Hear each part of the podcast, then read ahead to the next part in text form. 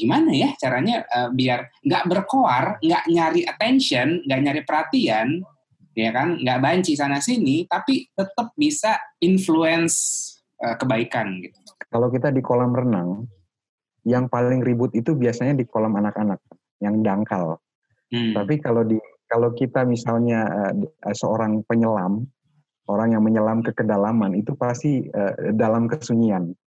Mau masuk neraka terima permen dari yang bukan Islam gitu. Oh. Jadi saya berpikir, kok Tuhan ini nggak adil banget ya? Kalau saya juga dari Kristen pasti saya dibully nih gitu. Tapi lucu ya, maksudnya Bang, lucu ya, maksudnya Bro Firman ini dari Aceh. Aceh kan maksudnya eh aku bukan bukan ngejat apa-apa. Uh, iya iya. Aceh kan iya, iya. Uh, ketat lah, kental. Uh. Ada salah dikit cambuk rajam-rajam gitu masih ada gak sih di sini? Iya, iya kalau cambu ada sih cambu ada uh, cambu ya ada ada. Terus lu nggak dicambuk? Jadi kayak petugas cambuknya saudara gua. Jadi dan ujung-ujungnya sebenarnya Tuhan itu hanya dua digambarkan. Tuhan itu pengasih atau Tuhan itu penghukum. Nah, iya. jawaban Mbak Yeni itu uh, menarik katanya gitu. Uh, dia bilang, I see my God as a loving God, while you see your God as a punishing God. Eh, bagaimana kita memahami Tuhan itu akan terlihat dari bagaimana kita melakukan manusia.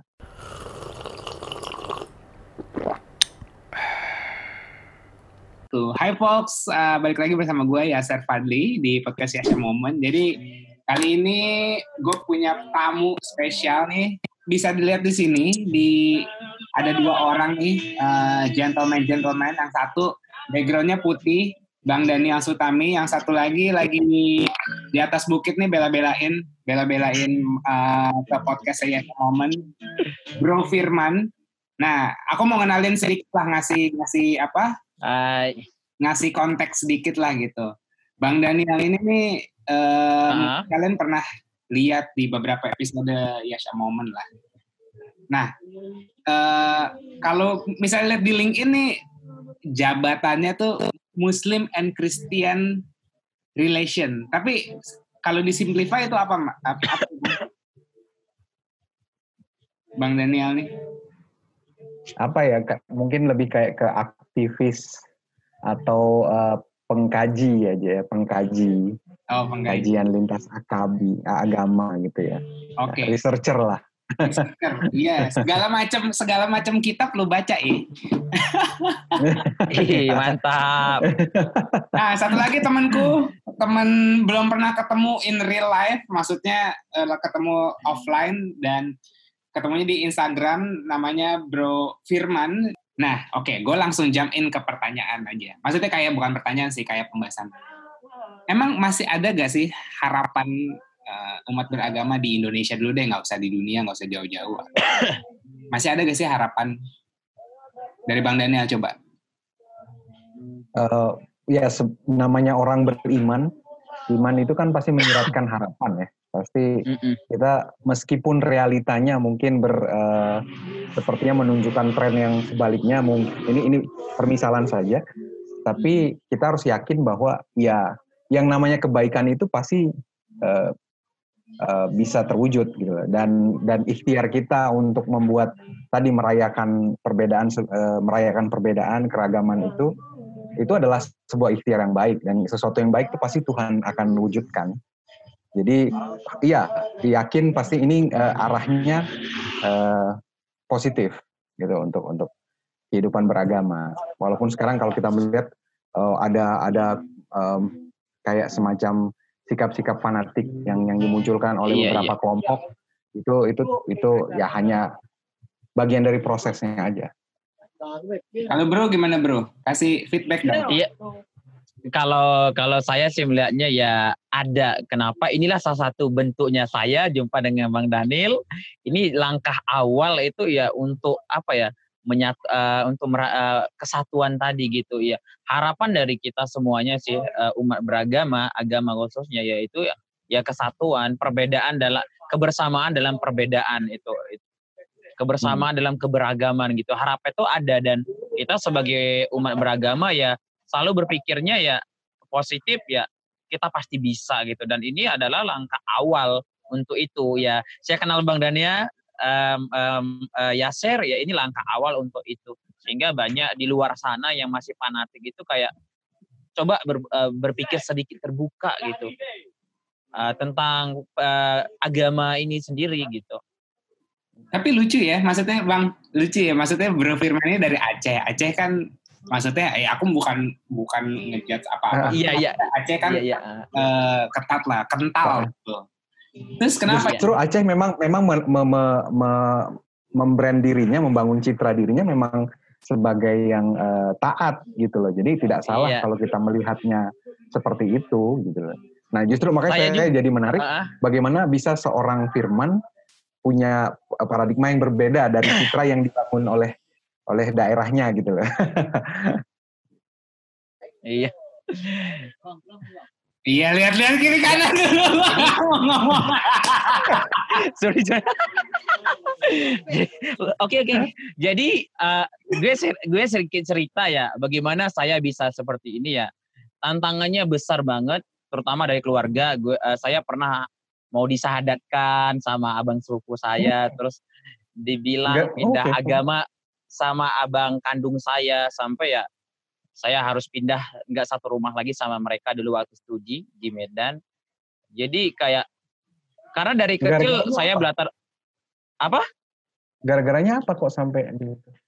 Karena Bisa saya menunjukkan sih Iya, karena saya menunjukkan sikap yang kritis terhadap beragama. Banyak sekarang oh, okay, oknum-oknum ya, oknum-oknum ya bisa dikatakan orang yang tanda kutip dia tahu agama, ya bisa ustadz gitu gitu ya kan, oknum-oknumnya, tapi kebanyakan yang disampaikan itu hate speech, ujaran kebencian, narasi-narasinya saya rasa ini nggak bener banget gitu. Apalagi kan saya dididik dari kecil itu nggak pernah berjumpa dengan keyakinan lain waktu kecil. Doktrinnya itu sangat luar biasa terhadap keyakinan lain.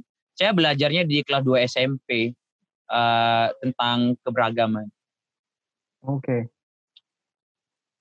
Jadi waktu kecil dulu kan kita nggak ada orang Kristiani ya, nggak ada orang Kristiani. Jadi karena kita tinggalnya di bawah bukit, ada orang Kristiani dari ujung gitu datang lagi ngejar nyari babi gitu kan di hutan. Terus kita anak-anak dikasih permen nih, dikasih permen. Sampai orang tua itu bilang itu permen dari mana? Dari yang sana yang ke hutan tadi. Mau masuk neraka nerima permen dari yang bukan Islam gitu. Sampai wow. dokter itu buat gitu. itu saya rasakan. Oh, oh berarti nerima permen dari yang Kristen itu masuk neraka ya gitu. Itu tertanam hmm. dalam benak saya gitu. Hmm. Di kelas 2 SMP saya bela, uh, pelatihan ketua OSIS, kebetulan saya salah satu kandidat. Di tim saya itu ada 13 orang, dua orang Kristiani, dua orang Kristiani. Namanya Meksiko sama Arianto itu yang menyadarkan saya. Dan saya nggak kenal lagi orangnya. Jadi dia dibully di tim kami itu dibilang ahli neraka lah, uh, segala hmm. macam dengan cacian gitu. Jadi saya berpikir, kok Tuhan ini nggak adil banget ya? Kalau saya juga dari Kristen pasti saya dibully nih gitu. Hmm. Karena saya orangnya sensitif di situ. Jadi orang itu mau pulang Meksiko sama Arianto karena mereka Kristen, saya cegat. Kenapa mau pulang? Kami nggak ada teman. Jadi saya bilang, saya teman, saya Muslim kok. Dan dari situ saya belajar doktrin-doktrin seperti ini salah. Saya yakin hmm. Islam nggak mengajarkan seperti ini gitu. Dari kelas 2 SMP.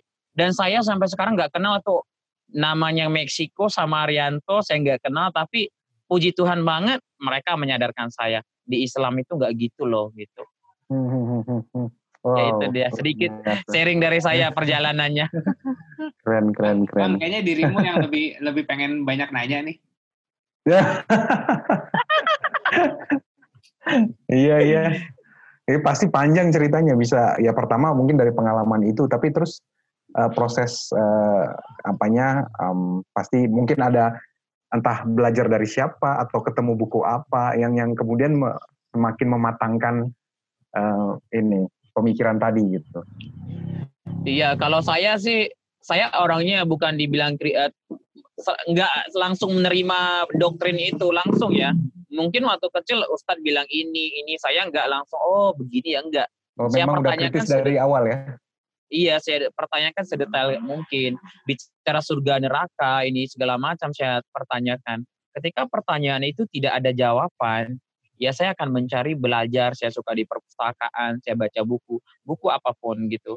Dan hmm. ya saya belajar dari situ dan saya merasa dulu agama itu nggak penting banget. Saya muslim, ya, ya. orang tua saya, keluarga saya ustadz-ustadz gitu, terpandang lah istilahnya. Hmm. Tapi cuma saya sendiri yang berbeda sampai keluarga saya pernah punya statement, ya udahlah anak itu nggak bisa diurus lagi, biar aja dia pindah keyakinan gitu. Itu waktu saya kuliah dulu itu.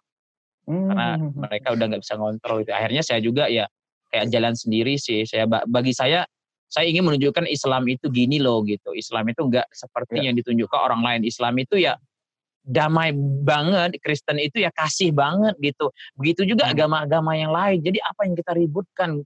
Kita jalani aja keyakinan kita gitu. Terus emang itu sih. Terus masih butuh agama gak gitu? Maksudnya? Iya butuh banget bro. Why? Ya bagi saya eh, kayak uh, agama itu kayak mengatur gue mau ngapain gitu. Gue mau ini ya di agama itu ada gitu. Kayak agama itu kalau saya ditanya itu kayak kontrolnya, kontrolnya uh, saya gitu. Kontrolnya saya. Karena kalau pernah saya bilang saya itu agnostik, saya agama itu bullshit gitu segala macam. Saya nggak uh, melakukan ritus ibadah, saya nggak percayain itu ya dan pada akhirnya saya kembali lagi pada agama, pada Islam ya. Karena eh ternyata ketika dengan agama itu saya damai ya. Rupanya hmm. saya nggak beragama itu karena saya nggak menemukan orang-orang yang benar-benar menjalankan tuh aturan agama. Spiritualnya itu dibagi kayak gini. Bagilah kasih Tuhan itu kepada siapa pun sehingga yang lain merasakannya. Dan saya bertemu dengan orang-orang beragama yang tidak mau berbagi kasih Tuhan itu gitu. Hmm. Jadi ya sehingga Karena ya saya belum merasakan kali. Iya. Uh, uh. Orang Bahkan kan saya bilang apa yang dia punya.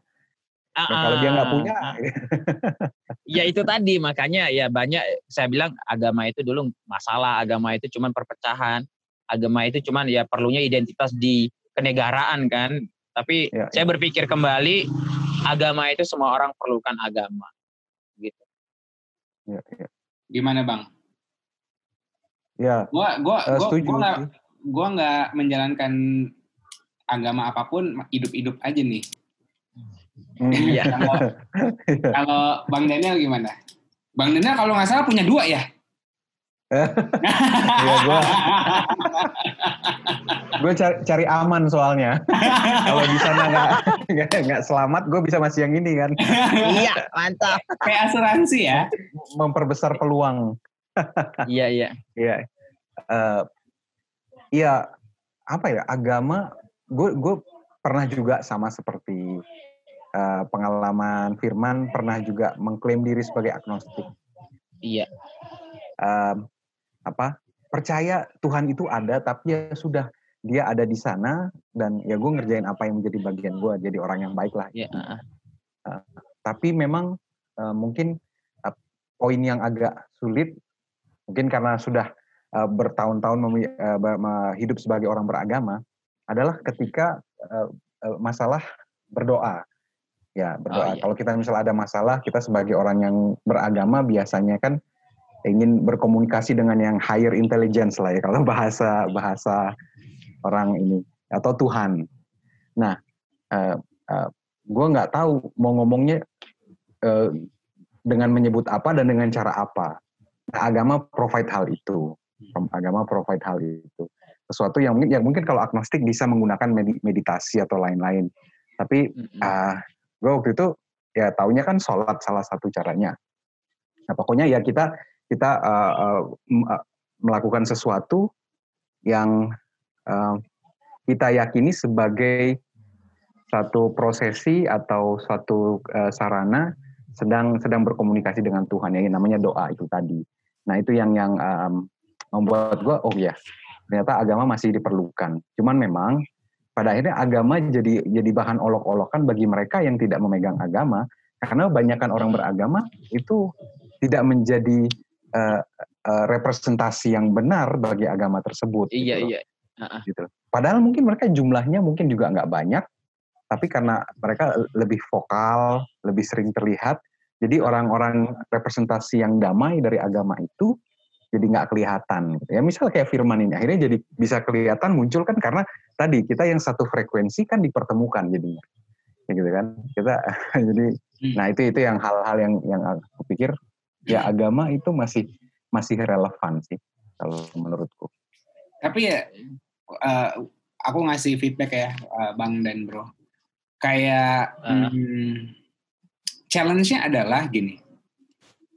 Biasanya memang yang ya ini ini klasik sekali sih kosong nyaring bunyinya gitu maksudnya kayak kayak di saat uh -uh. kita akhirnya apa pun itu beragama nggak beragama intinya mungkin kalau kalau hmm. kalau aku bahasanya conscious lah akhirnya awake conscious gitu nah we we doesn't give a fuck akhirnya gitu kayak oh begini ya gitu terus akhirnya kayak ya udah diem aja males gitu terus uh, tapi kan pengennya maksudnya kalau greater purpose-nya pengennya ya semua orang juga akhirnya uh, conscious lah gitu. Entah itu dia beragama atau menjalani hidup gitu. Di challenge sih sebenarnya sih. Di satu sisi kayak biasanya kalau kita udah kayak gini aja deh, Bang Dana punya komunitas ya kan. Uh, apa kajian lah tiap minggu. Tapi memang kayak nggak terlalu digembur-gemburkan gitu apa alasannya? Apakah apakah memang kayak ya udahlah itu itu kan kita kita aja gitu atau gimana? Itu aja menjadi salah satu contoh bahwa yang conscious malah yang ada yang yang akhirnya sadar gitu, ya males berkoar-koar gitu. Terus gimana ya caranya uh, biar nggak berkoar, nggak nyari attention, nggak nyari perhatian, ya kan? Nggak banci sana sini, tapi tetap bisa uh, apa ya influence uh, kebaikan gitu. Hmm. Uh, salah satu ilustrasi yang sering aku pakai itu ini, kalau kita di kolam renang, yang paling ribut itu biasanya di kolam anak-anak, yang dangkal. Hmm. Tapi kalau di kalau kita misalnya uh, seorang penyelam, orang yang menyelam ke kedalaman itu pasti uh, dalam kesunyian. Nice. Dia dia menikmati, dia menikmati keindahan. Dia udah nggak berbicara di hal permukaan lagi hmm. tapi udah masuk ke kedalaman dan itu nggak banyak dan orang nggak nggak bersuara. Karena apa ya keindahan itu akhirnya dia nikmati sendiri. Itu hmm. memberikan dia uh, pencerahan sendiri. Nah makanya aku selalu bicara kalau aku pribadi. Kayak kalau buat misalnya kayak komunitas kita nggak usah gembar-gembor. Ya karena bicara kualitas kita nggak perlu harus banyak jumlahnya. Tapi kalau mereka semua uh, bisa mendapatkan sesuatu membuat mereka berasa lebih dekat pada Tuhan atau jadinya lebih lebih mengenal dirinya, bisa mengasihi sesamanya, itu buatku sudah sudah mencapai uh, tujuan dari beragama itu. Hmm. Bro, ada ada ada tanggapan nggak? Iya, sama juga sih. Kalau jadi kalau dalam aku sendiri ya kenapa sih ya hampir sama kayak Bang Daniel. Jadi kita itu hanya menunjukkannya dari perbuatan kita. Jadi kita nggak perlu berkoar-koar ini itu karena lawan kita sendiri itu orang-orang yang sudah apa ya bisa dikatakan dia public public figure, tokoh-tokoh ya ulama-ulamanya gitu. Jadi kita tinggal uh, menjalani dan menunjukkannya secara keseharian kita. Bagaimana kita memperlakukan orang lain, bagaimana memperlakukan yang beda. Bahkan saya bilang inti dari agama itu adalah memanusiakan manusia. Jadi kayak hmm. perlakukan orang lain seperti mana lu ingin diperlakukan gitu. Itulah inti agama itu. Jadi ya semuanya baik sama orang lain. Kita kan mau orang lain baik bersama kita. Tapi uh, bagaimana dengan yang berbeda? Masih ada orang membatasnya. Ya, kita nggak perlu speak up. Kita buat aja langsung dengan tingkah laku kita. Dan orang akan bertanya dan orang akan mengikuti. Orang akan bertanya, oh begini ya, oh begitu ya gitu. Jadi kita nggak tanpa perlu bersuara, orang akan eh, dengan sendirinya melihat akan mengikuti. Mm-hmm. Yes. Tapi secara natural kita akan ini ini ini ya pengalaman aku ya. Secara natural uh-huh. sebenarnya kita otomatis itu dijauhkan dengan circle-circle yang kolam cetek lah anggapannya gitu. Hmm. Jadi kesimpulannya adalah, aku nggak bukan kesimpulan juga, tapi maksudnya yang, yang aku lihat nggak bisa kita nge-influence orang kecuali orang itu memang sadar sendiri gitu. Ya. Karena mau anggapannya nih ya kayak penyelam udah nyelam gitu kan dia mau teriak-teriak di, uh. di, di di di air yang dalam juga nggak bakal kedengeran sama yang kolam cetek itu kan nah itu yang sebenarnya jadi dilema makanya pertanyaan pertama masih ada harapan ya karena gini semua orang kayaknya uh, me menjablaikan diri ke sebuah ya uh, men, men bahasa gue sorry ya. Jadi kayak uh, melacurkan diri ke, ke malah malah dia senang gitu di kolam cetek gitu. That's why itu pertanyaan that's why pertanyaan terbesarnya adalah kan masih ada harapan nggak sih gitu? Gimana bisa influence? Tapi pas bang Daniel bilang analogi yang kolam renang tadi ya make sense sih gitu. Kalau misalnya kita udah masuk gitu kan udah pindah kolam masuk mendalami gitu ya mau gimana mau nggak maksudnya mau gimana mau keluar-keluar gitu. Kita malah sedang menikmati uh, apa ya iya. pindahan di dalamnya gitu kan. Hmm. terus how yang dari kolam cetek ke kolam yang dalam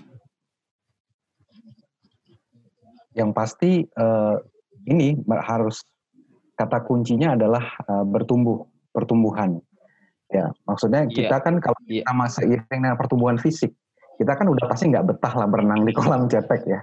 Karena kita udah makin tinggi, kita udah makin yeah. tinggi. Jadi kuncinya adalah bertumbuh. Kalau misalnya nggak bertumbuh, ya udah dia doyan di situ terus, dia senang. Tapi kalau semakin dia bertumbuh, dia akan tahu, oh kolam cetek tidak memuaskan dirinya. Dia pasti akan mencari. Makanya uh, uh, ya kata kuncinya di situ. Makanya orang yang senang sekali berdebat soal agama atau kemudian ya menikmati keriuhan eh, perdebatan antar agama dan lain-lain untuk saling menjelekkan itu tadi belum bertumbuh dia masih masih berpuas dengan apa yang pada ada pada dirinya gitu. Jadi belum belum mencari sesuatu yang lebih dalam, sesuatu yang lebih indah gitu loh. Jadi nah itu itu sih dan dan aku makanya optimis yang namanya bertumbuh itu kan adalah uh, alamiahnya udah sunatullah ya setiap orang pasti bertumbuh Nah, uh, cuman ada orang yang memilih mau bertumbuh atau tidak. Bertumbuh fisik iya. Jadi tua itu pasti tapi dewasa itu pilihan. Nah, jadi iya. orang iya. jadi semua orang bisa bertumbuh tapi dewasa kan hal yang berbeda lagi gitu. Nah, ini kita bicara dewasa secara secara rohani mungkin uh, itu yang membuat kita berpindah dari kolam yang cetek tadi ke nah, lebih dalam. Ini, ini pertanyaan buat Bro Firman. Berarti kita nggak dirimu kan di media apa komunikasi Islam ya? Ya kan? Iya. Mau mau nggak? Berarti kan tadi uh, kalau uh, berdasarkan obrolan statementku yang sebelumnya, kita nggak usah nge-influence orang karena kita sedang menikmati ke dalam tersebut dan salah satunya yeah, cara uh -uh. pindah kolam yaitu bertumbuh.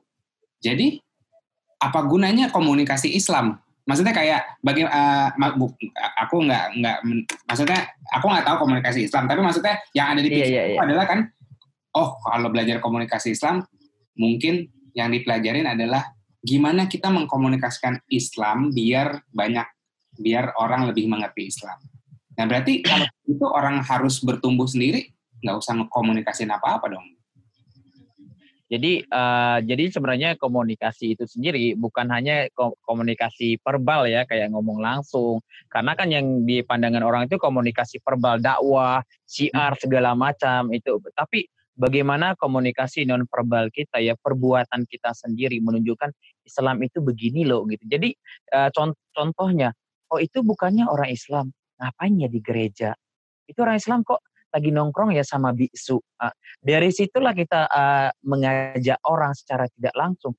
Oh ternyata orang akan bertanya, orang akan bertumbuh uh, karena orang sekarang banyak kefonya gitu. Jadi ketika kita perbuatan, jadi komunikasi Islam itu tidak mesti selalu ya mengajak dalam hal ya siar agama. Siar itu bisa berarti dengan perbuatan action langsung. Ya de, kalau saya pribadi lebih kepada ya menunjukkan kepada yang lain ini Islam ada acara gotong royong bersama di gereja.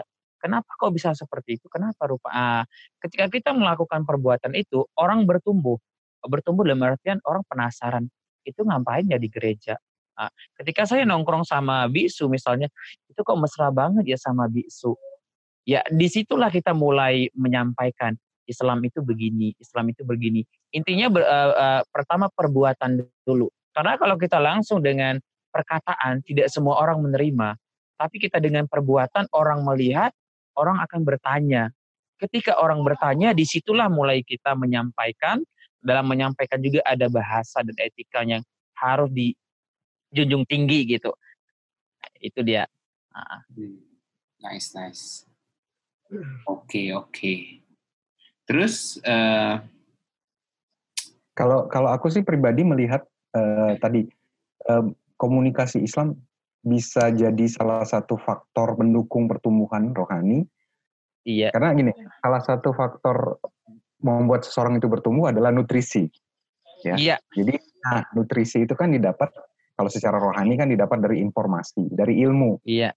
Iya nah, dari ilmunya. Islam tadi selain secara secara uh, uh, kehidupan sehari-hari dari akhlak dan lain-lain, tentu juga bisa dari ilmu kan dari dari apa yang nah. disampaikan.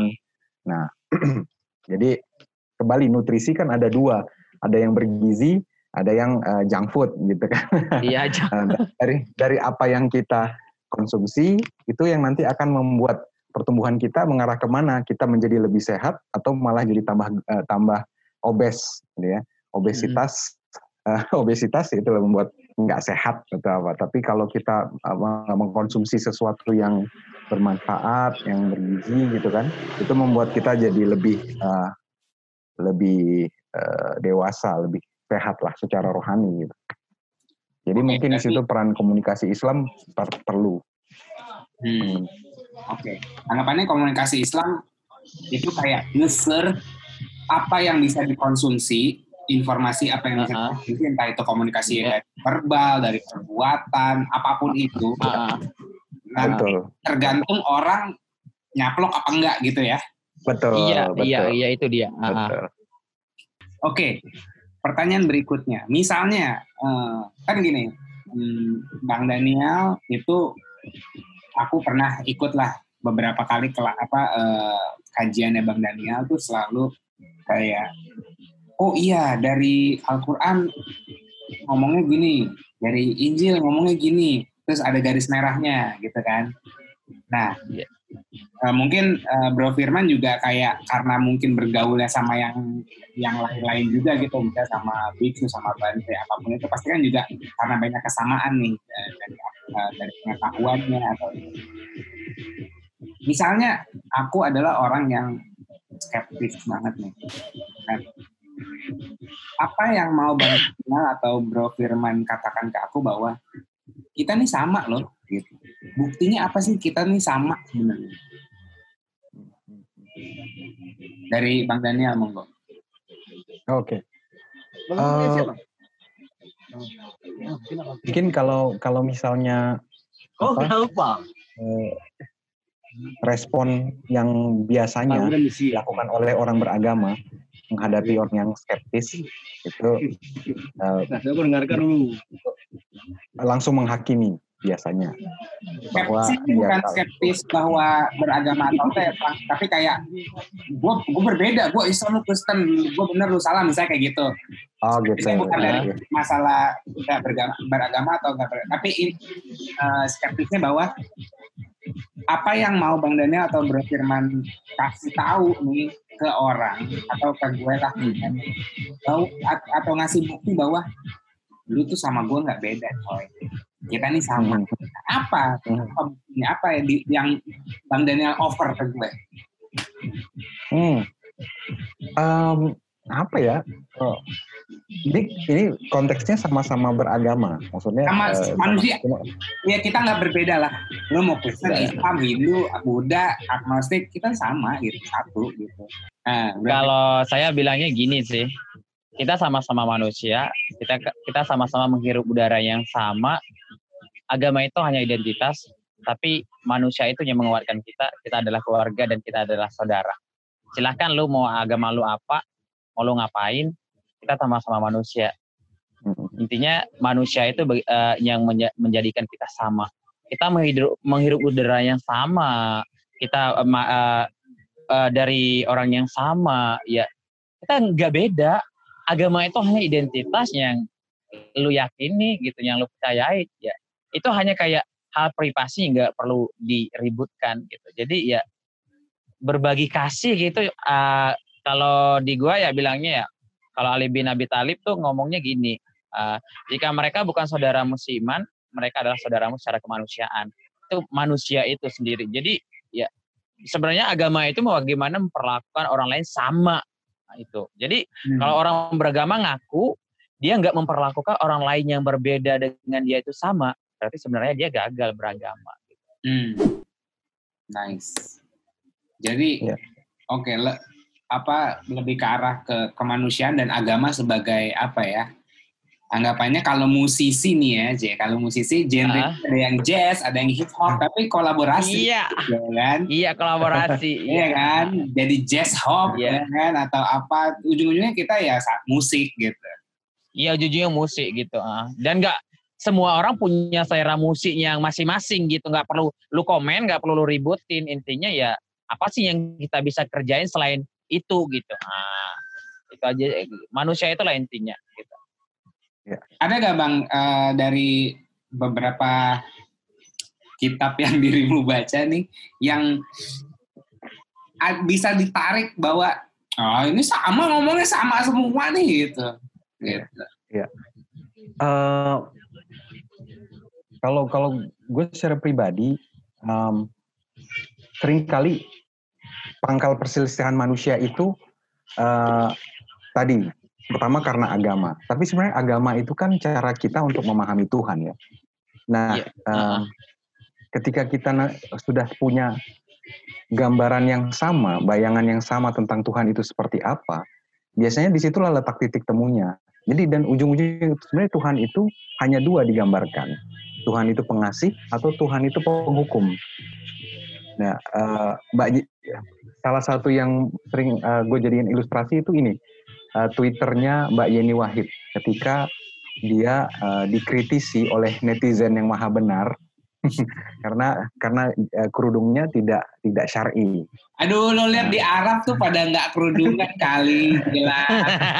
Nah, nah, nah, terus Mbak Yeni buat di Twitternya seperti, ya maksudnya kita kita ya Mbak Yeni Wahid itu kan anak kiai yang iya. yang notabene kayak uh, ilmu agamanya pasti kita nggak perlu ragukan ya. Jadi kalau dia memakai itu pasti udah udah punya dasar ilmunya juga toh.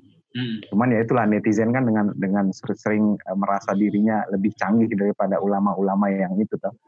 Nah, iya. jawaban Mbak Yeni itu uh, menarik katanya gitu. Uh, dia bilang, I see my God as a loving God, while you see your God as a punishing God. Hmm. Though we call uh, sadly uh, though we call him the same name, sadly we we see him uh, as a, a different gitu lah, differently katanya. Keren. Jadi keren. jadi di situ aku ketika bagaimana kita memperlakukan manusia itu itu eh bagaimana kita memahami Tuhan itu akan terlihat dari bagaimana kita memperlakukan manusia. Jadi kalau yes. kita melihat Tuhan sebagai maha pengasih, kita akan mengasihi orang, mengasihi sama. Yeah. Tapi kalau kita melihat Tuhan sebagai sosok yang suka mencari-cari kesalahan, suka menghukum, kita pun akan mencari-cari kesalahan orang. Oh, jilbabnya yeah. kurang syar'i nih. Eh, celananya kurang yeah. cingkrang nih. gitu kan ya. Atau Nengok gua udah, atau, udah ini enggak? Masuk kualifikasi enggak? Nah, Masuk lah bro, nah. ulama banget. belum hitam sih jidat gua belum hitam nih. Eh. Nanti tinggal dihitam isikin. makanya makanya dari situ uh, eh, gue tuh selalu ngajak ya kayak tadi gue nanya apa yang mau di offer gue nggak tahu mau offer apa tapi gue selalu bilang kita ini sama-sama pengen tahu Tuhan itu seperti apa. Karena kalau kita tahu Tuhan seperti apa, ya tadi eh, kita mengenal Tuhan ternyata itu maha pengasih. Dengan begitu kita merasa dikasihi, kita akan meneruskan kasih itu ke orang lain. Nah, gitu, gitu. Nah selama ini orang beragama seringnya melihat Tuhan itu eh, sebagai sosok yang nyari kesalahan, yang yang nggak akan puas dengan apa pun yang kita lakukan. Oke, okay? berusaha untuk apa nih uh, uh, tuntutan apa yang mesti ya, yang harus dibenerin gitu. Karena takut. Jadi out of fear not out of love. Nah gitulah. Jadi itu yang itu yang selalu aku pengen selalu ajak untuk untuk uh, uh, orang-orang untuk mengenal siapa Tuhan itu gitu berarti buku siksa neraka zaman kita SD tuh andilnya besar sekali ke masyarakat. Iya, iya. Itu itu memang proyek yang katanya memang disengaja waktu itu. Dan dan itu buku bestseller sampai banyak versinya. Uh, versi komik komik siksa neraka siksa neraka itu. Why? dan itu benar-benar Kenapa menghancurkan iya. image Kenapa Tuhan. Kenapa bikin kayak uh, reward reward untuk orang baik gitu loh? ya, iya, lebih lebih keren kayaknya. Iya kan, misalnya gitu kan reward reward atau uh, bagai apa uh, ya surga gimana ya gitu. Misalnya misalnya gitu, opposite lah dari yang kayak over ketakutan gitu. Uh, ya itu sangat Machiavelli. Jadi uh, orang itu lebih mudah dikendalikan dengan berdasarkan rasa takut ya. Okay. Jadi untuk menciptakan order, we have to uh, give them fear, hmm. something to fear gitu. Jadi itu manusia lebih lebih mudah dikendalikan dengan rasa takut ketimbang kasih. Oke. Okay. Kalau kasih jadi jadi ngelunjak. Oke. Okay. Gimana caranya? Gimana caranya? Tadi kan uh, untuk uh, kayak pakai fear untuk untuk untuk uh, ngontrol atau untuk nakut-nakutin gitu ya. Uh-uh. Ya berarti kalau dari kalau kalau kalau dengan kasih berarti apa dengan dengan pembuktian gitu dengan dengan dengan membagikan kasih kita juga gitu, orang lain gitu ya. Iya, iya. Ya dengan tadi kalau bahasanya uh, Bro Firman tadi memanusiakan manusia. Hmm. Jadi ya sering kali agama itu kadang-kadang malah merendahkan manusia. Iya benar benar benar. Uh, apa bukan hanya orang di luar agamanya kadang-kadang di sesama agamanya saja pun bisa direndahkan gitu kalau nggak nggak sama hmm. mazhabnya atau keyakinannya. Aku pikiran agama itu hanya untuk manusia atau untuk makhluk hidup. Makhluk hidup semua. Uh, untuk semua. Makanya dalam Islam itu namanya rahmatan lil alamin. Alam ini seluruh alam gitu, bukan hanya manusia, tapi alam juga merasakannya. Itu makhluk hidup, kayak hewan segala macam merasakannya. Jadi agama itu untuk makhluk hidup. Karena dalam agama kita bagaimana mengatur keseharian, kehidupan kita. Bahkan dalam Islam itu kita memperlakukan binatang juga nggak boleh nggak boleh sesuka hati. Bahkan binatangnya dalam tanda uh, kutip dia kita dilarang dimakan dalam Islam. Kita harus memperlakukannya dengan bagus dengan baik. Ya jadi agak Islam itu memang ya dalam keyakinan ya rahmatan lil alamin. Dan bahkan sendiri terkadang banyak orang-orang yang syiar itu kalau saya bilang dia nggak ngerti uh, makna dari dakwah itu mungkin ya saya bilang. Karena dakwah itu kebanyakan orang berdakwah suka menghakimkan menghakimi orang ini segala macam Sebenarnya kalau kita merujuk ke bahasa Arab, dakwah itu berasal dari kata da'a ya da'u dakwatan, mengajak, menyeru, menyampaikan. Tiga suku kata, tidak ada kata menghakimi di situ. Kalau kita kaitkan dalam komunikasi, ketika kita menghakimi seseorang, akan terjadi hambatan komunikasi. Eh, ketika terjadi hambatan komunikasi, inilah konflik. Makanya sebagai seorang dai, sebagai seorang syiar, sebagai ya orang komunikasi Islam, lu nggak perlu hakimi orang lain dia mabuk, yang lu nggak mabuk ya biarin. Yang perlu lu tunjukin dia saudara lu, lu rangkul, lu ajak itu. Jadi terkadang memang itu yang perlu di, disampaikan. Pahami dulu arti dakwah itu sendiri apa. Karena kalau kita sudah menghakimi orang, orang udah nggak respect nih lah lu bilang gue ahli neraka ya wes biarin neraka neraka gue ngapa lu sibuk gitu ya kan? Hmm. ya jadi nggak perlu nggak perlu dihakimi orang lain nggak perlu dikomen. Intinya kita tunjukkan sikap berbagi kasih tadi Allah itu maha penyayang ar-Rahman ar-Rahim maha pengasih. Jadi kita bagikan kasih Tuhan itu. Karena ya dalam terkonsep dalam pikiran banyak oknum-oknum di Islam sendiri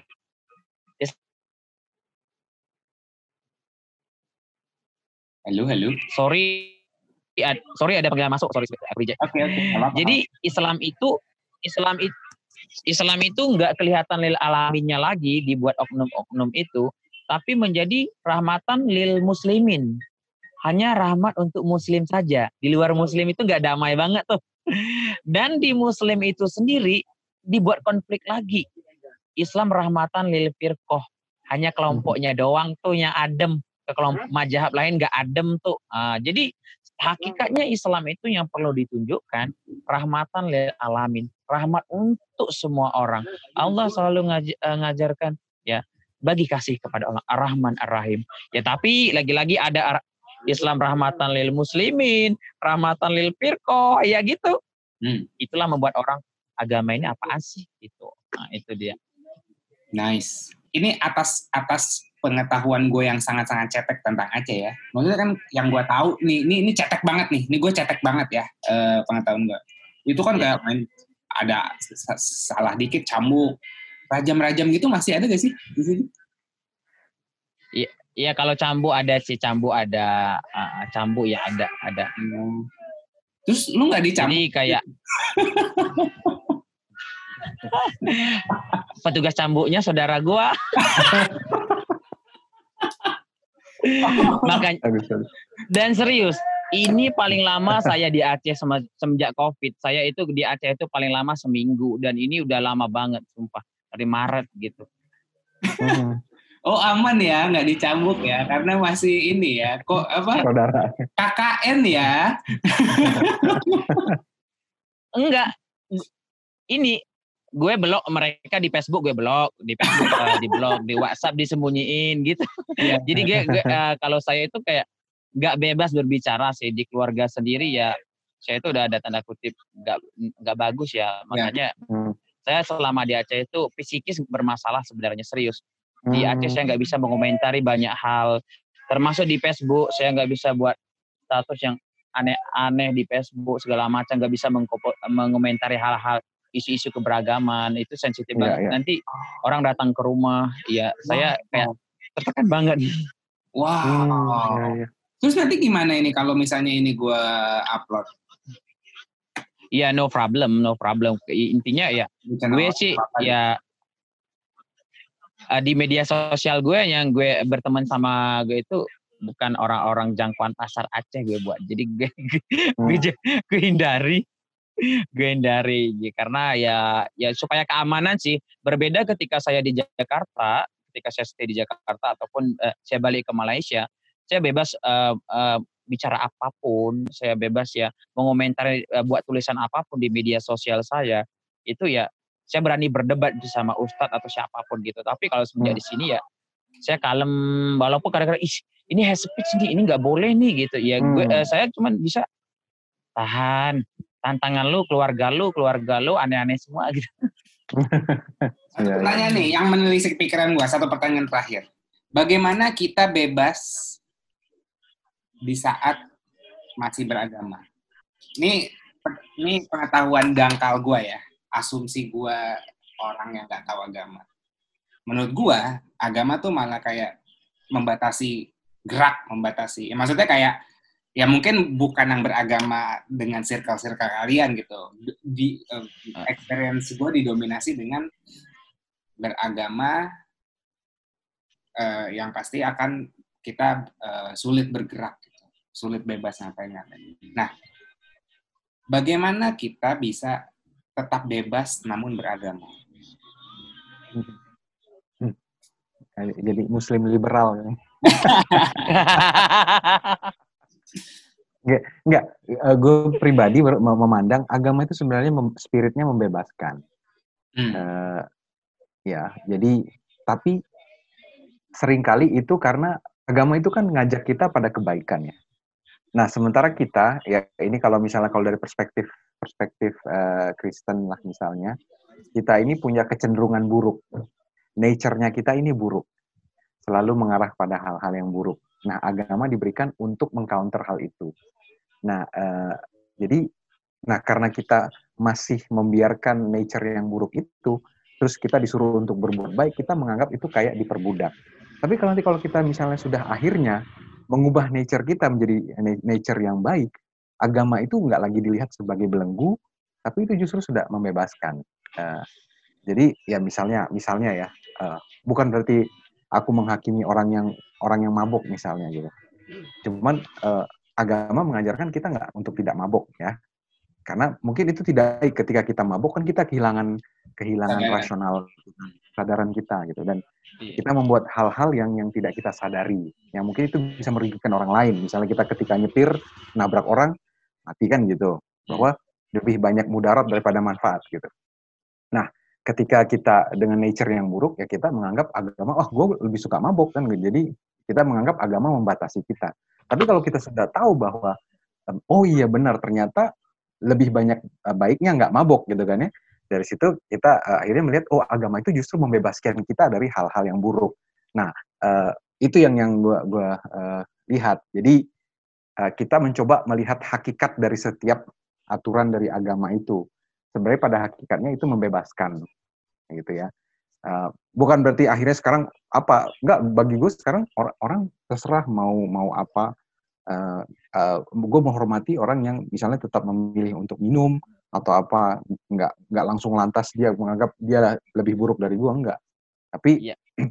uh, apa namanya um, um, buat dia mungkin dia belum belum belum melihat melihat agama dari perspektif yang gue lihat uh, dari sisi ke kebermanfaatannya Hmm. Mungkin gitu. Jadi agama hakikatnya itu sebenarnya membebaskan, membebaskan sih.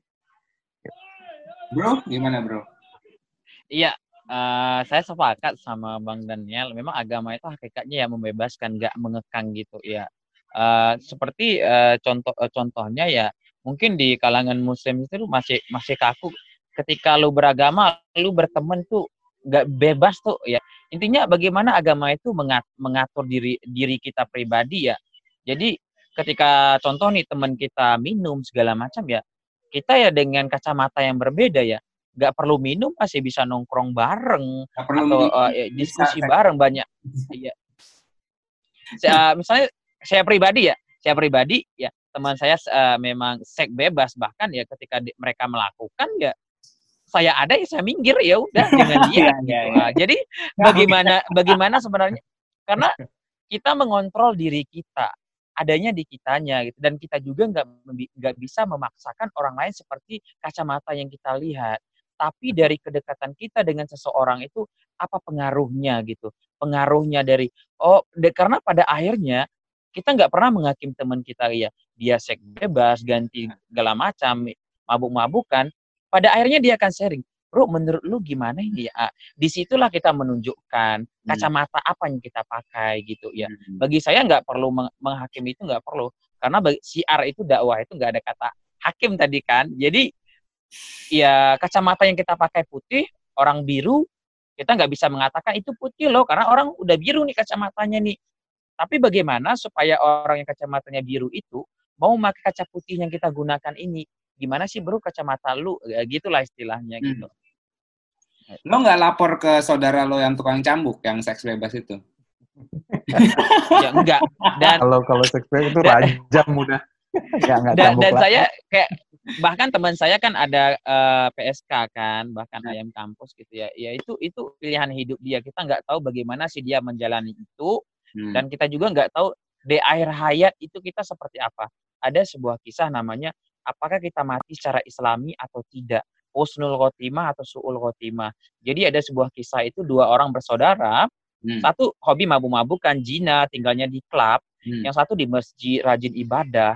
Dan pada suatu hari mereka diuji oleh Tuhan, yang adiknya yang rajin ibadah mikirnya, abang gue enak banget ya jina terus, di klub terus masih gini-gini saja.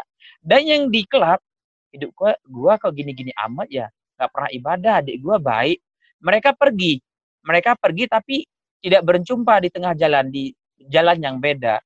Abangnya nyampai ke masjid, langsung ambil wudhu ibadah. Adiknya sampai ke klub, bugil. Dan terjadilah gempa bumi, meninggal. Semua orang terkejut. Hah? Kok yang baik matinya di tempat yang ini, yang buruk dulu tempatnya di sini. Jadi kesimpulannya, kita itu jangan menghakimi orang lain. Kita nggak tahu di air hayat, kita itu mati seperti apa gitu. Matinya seperti apa gitu. Nah, jadi ya berbuat baik terus gitu.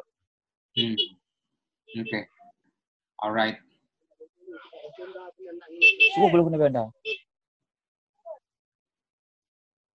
Aman, aman di situ, bro. Aman, aman, okay. aman. Tiba-tiba gue takut aja. uh, jadi gitu. Oke. Okay. Jadi gitu. Jadi ya kita nggak perlu menghakimi orang lain. Kita ya cuman ya sebagai umat beragama bagi kasih Tuhan itu pada yang lain. Nah, ya bagi kasih, eh, kasih Tuhan itu kepada yang lain sehingga meras orang merasakan kasih Tuhan yang kita miliki itu gitu. Itu aja sih kalau gua. Alright.